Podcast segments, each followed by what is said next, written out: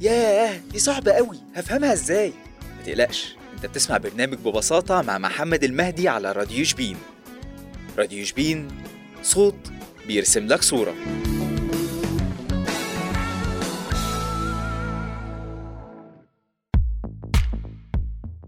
أعزائي المستمعين أهلا بيكم في حلقة جديدة من برنامج ببساطة. معاكم أنا محمد المهدي. هنتكلم النهاردة عن نظرية اسمها نظرية سوردانيك وقبل ما نبدأ حلقتنا افتكر دايما جملتنا مشهورة ركز افهم حلل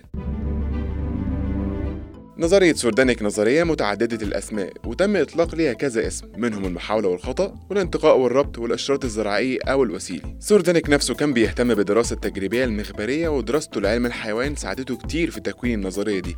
كونه اختصاصي في علم الحيوان. كانت اهتمامات سوردانيك بتدور حول نقطتين الأداء والجوانب العملية للسلوك ده وده خلاه يهتم بسيكولوجية التعلم ويهتم كمان بتطبيقاته في التعلم المدرسي وده كان جزء من اهتمامه في الأساس. سوردانيك نفسه كان بيستخدم علم النفس في حل مشكلاته عشان كده سموا الأبحاث اللي قام بيها مواصفات التجارب المتقن والموضوعية النسبية.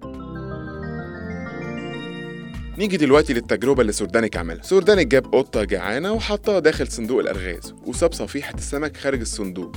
كان من المستحيل على القطة إنها توصل للوحة دي إلا إذا لو كان هي بإمكانها إنها تفتح الباب وتخرج منه. قام سوردانيك بترتيب صندوق الألغاز بحيث يكون على القط سحب حلقة أو الضغط على رافعة لفتح الباب ده. في البداية اتحركت القطة بشكل عشوائي داخل الصندوق وكانت محاولة القطة للخروج من الصندوق ده هي العض في القضبان ودفع أقدامها ومحاولة الضغط من الصندوق. بعد بعض دقايق من المحاولات آه، كان في استجابة غير فعالة.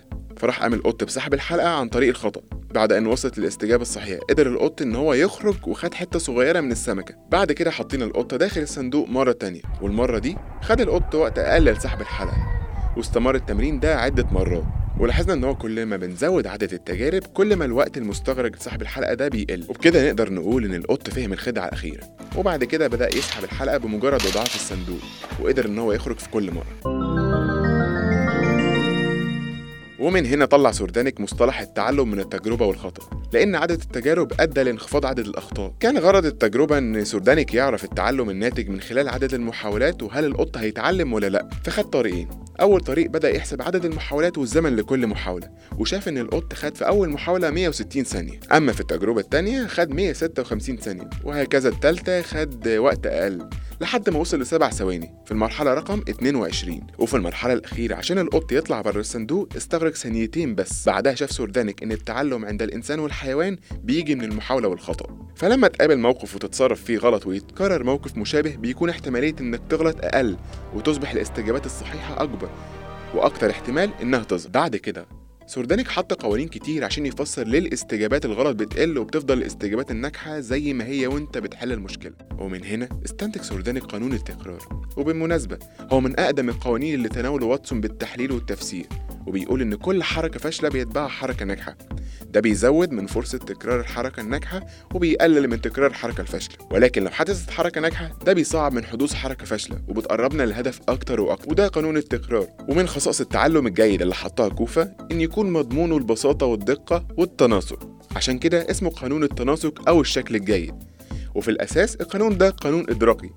ومحتواه إن التنظيم النفسي الإدراكي بيميل للصيغة الإجمالية اللي شكلها يتميز بالبساطة والانتظام والثبات. وبكده يكون القانون ده من قوانين التوازن اللي ليه أهمية كبيرة في أغلب المجالات.